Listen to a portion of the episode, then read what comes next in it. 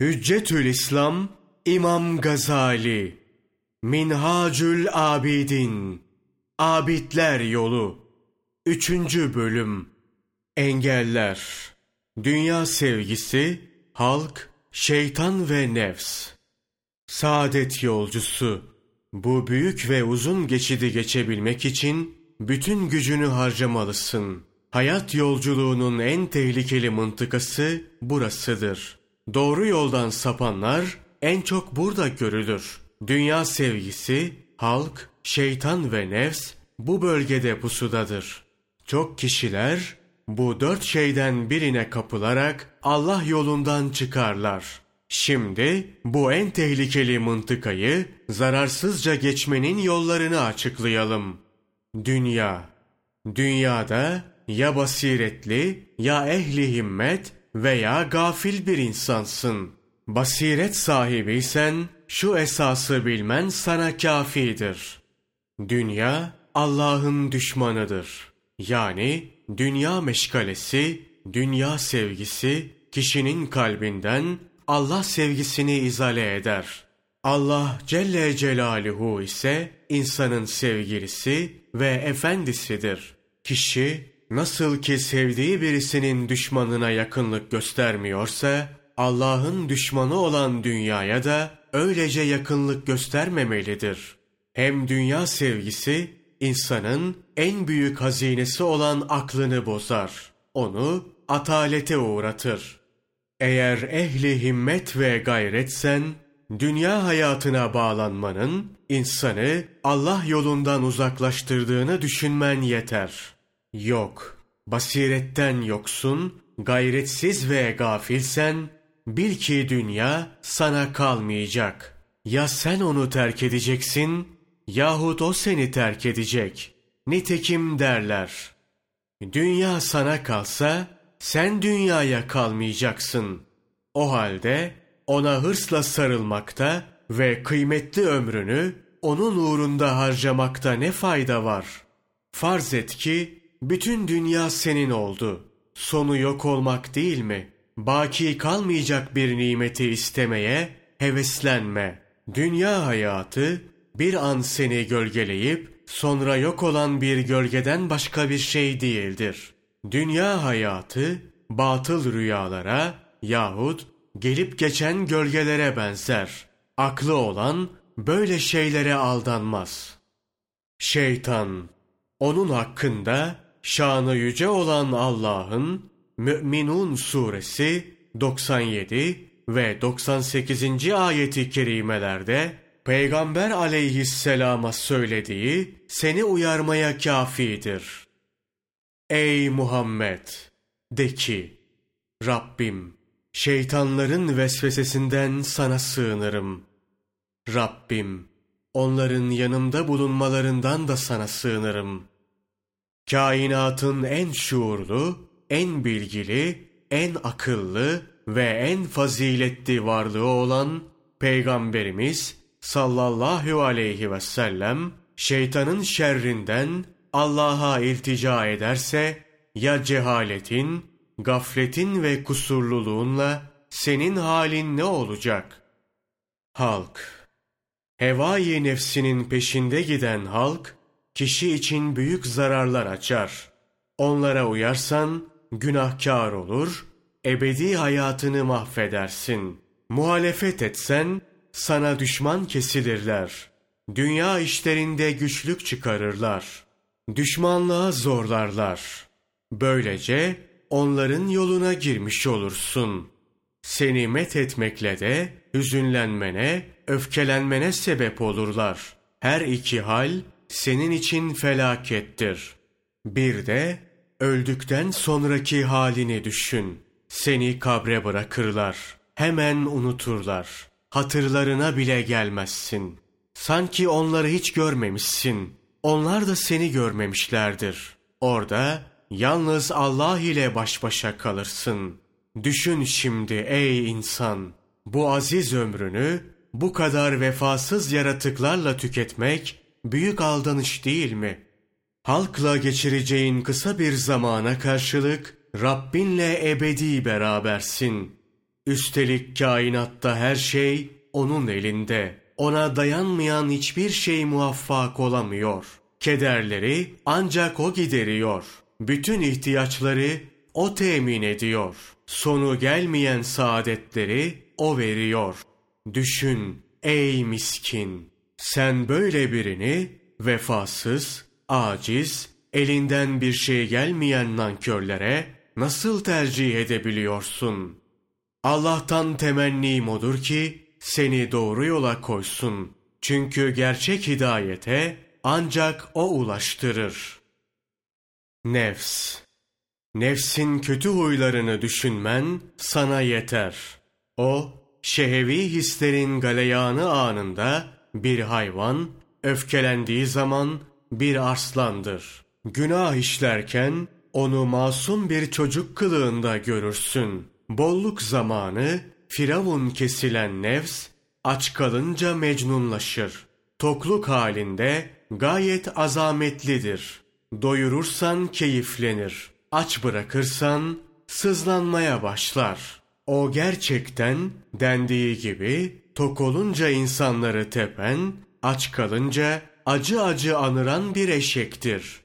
Bazıları derler, nefsin yaramazlıklarından biri de budur ki, bir günah işlemekteyken veya şehevi galeyan anında onu bu hareketinden vazgeçirmek için Allah'ı, kitabını, peygamberini ve Allah'ın bütün iyi kullarını hatırlatsan, öleceğini, kabre gireceğini, kıyamette hesap vereceğini, cennet, cehennem olduğunu söylesen, katiyen itaat etmez. Azgınlığına devam eder.'' Eğer biraz arpasını kesersen sakinleşir, haşarılığı bırakır. Ey insan! Sakın nefsinden gafil olma. Zira o, kainatın yaratıcısının da buyurduğu gibi, daima kötülüğü öğütler. Aklı olan bu kadarla uyanır. Allah rahmet eylesin. Belhli Ahmet İbni Erkam anlatır. Bir ara düşmanlarla savaş olmaktaydı. Nefsim benim de harbe gitmemi istiyordu. Hayret dedim. Allah Celle Celaluhu Kur'an'da Yusuf suresi 53. ayeti kerimede nefs bütün şiddetiyle kötülüğü emreder buyuruyor. Benim nefsimse iyiliği emrediyor. Bu nasıl olur? Herhalde harp bahanesiyle halka karışıp gazaya gidiyor diye kendisini istikbal ettirecek. Sonra nefsime ben harbe ayrı giderim. Kimse görmez dedim. Kabul etti. Fakat ben onun samimiyetine yine inanamadım. Allah doğru söylüyor. Sen iyiliği emretmezsin dedim. Bu sefer başka bir yoldan onu deneyerek ben dedim Harbe en önde giderim. Sen en önce ölürsün. Yine itiraz etmedi. Hasılı onun hoşuna gitmeyecek her ne söylediysem kabullendi. Nihayet Allah'ım dedim. Bunun bana yapmak istediği hile neyse bildir. Dileğimi kabul eden Rabbim nefsimin hilesine beni vakıf etti. Meğer nefsim şöyle düşünüyormuş. Ben onun şimdiye kadar her isteğini reddettikçe o bir defa ölüyormuş. Eğer harbe gidersem bir defa ölecek ve arkamdan da halk şehit oldu diyecekler. Böylece nefsim ün kazanacakmış. Ben de o sene harbe katılmadım. Ey insan! Nefsin hilelerine bak ki öldükten sonra bile insanlara karşı mürayilik yapmak istiyor. Onun hakkındaki şu söz gerçekten yerindedir. Nefsine sahip ol. Başına gaileler açacağını hatrından çıkarma. Çünkü o yetmiş şeytandan daha habistir. Ey kişi! Daima kötülüğe sevk eden bu hilekar nefse karşı uyanık ol. O zaman selamet bulursun.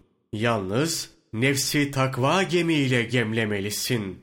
O başka hiçbir şeyle zapt olunmaz. Bu mevzuda bilinmesi gereken çok mühim bir esas daha vardır. İbadetler iki kısımdır. 1. Yapılması gerekenler. 2. Terk edilmesi, kaçınılması gerekenler. Her türlü ibadetler, yapılması gerekenler, günahlarsa kaçınılması gerekenlerdir. Günahlardan kaçınmak takvadır.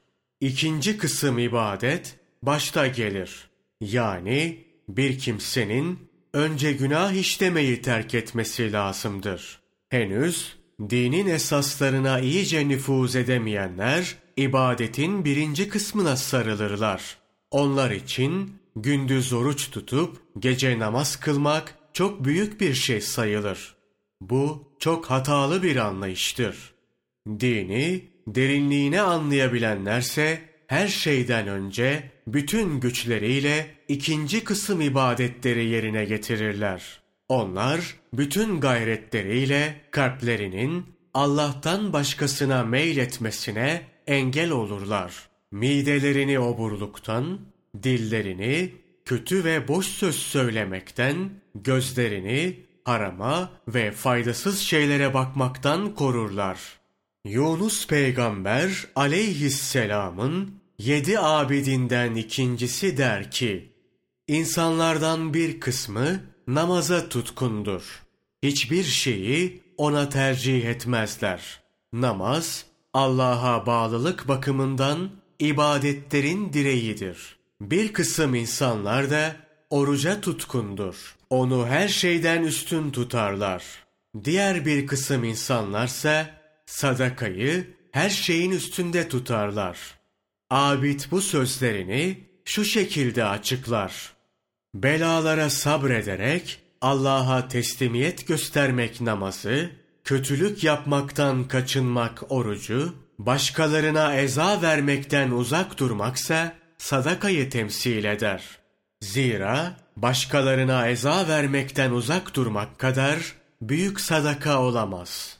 Yine hiç kimsenin kendisi yüzünden en ufak bir zarara uğramamasını istemek, tutulan oruçların en temizini teşkil eder.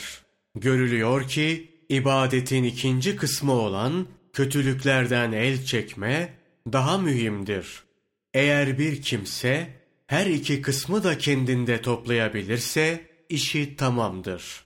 Muradına ermiş, selamet bulmuş, ganimete konmuş demektir. Bu iki çeşit ibadetten sadece birini yapabilen kimse ikinci kısım ibadeti yani kötülüklerden el çekmeyi yapmış olsun. Böylece ganimete konmazsa hiç olmazsa başını kurtarır. Gecesi namazla, gündüzü oruçla geçen bir kimse bir taraftan başkalarını incitmeye devam ediyorsa onun ne namazı ve ne de orucu ona fayda vermez. Bu böylece biline.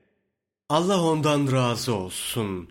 Bir defasında İbni Abbas'a sorulur. İki adam var. Birinin hayrı da çok, şerri de. Diğerinin hayrı da az, şerri de. Ne dersiniz? Cevap verir. Hiçbir şey söyleyemem. Biraz önce İbadetleri ikiye ayrışımız bir hastanın haline benzer. Hasta iki yolla tedavi edilir. Bir, ilaçla, iki, perhizle. Eğer her iki yol birden tatbik edilirse çoğunlukla hasta iyileşir. Sadece biri tatbik edilirse perhiz yapması daha iyidir. Çünkü perhiz edilmesi gereken yerde perhiz etmez de sadece ilaç alırsa faydası görülmez. Halbuki ilaç kullanılmadığı halde sadece perhizin faydalı olduğu yerler çoktur. Nitekim Allah'ın Resulü sallallahu aleyhi ve sellem buyururlar. Her ilacın başı perhizdir. İhtimal bu hadisin manası şu demektir. Hastalık gelmeden önce veya geldikten sonra hastalık sebebi olan şeylerden perhiz edilirse ilaca lüzum kalmaz. Eski Hintlilerin hastalıkları ilaçla değil, sadece perhizle tedavi ettikleri söylenir. Bütün bu izahlardan anlaşıldı ki takva her şeyin başı ve takva sahipleri Allah yanında yüksek tabakadan insanlardır. O halde ey saadet yolcusu bütün gücünü bu hususa sarf etmelisin. Muvaffakiyeti verecek yalnız Allah'tır.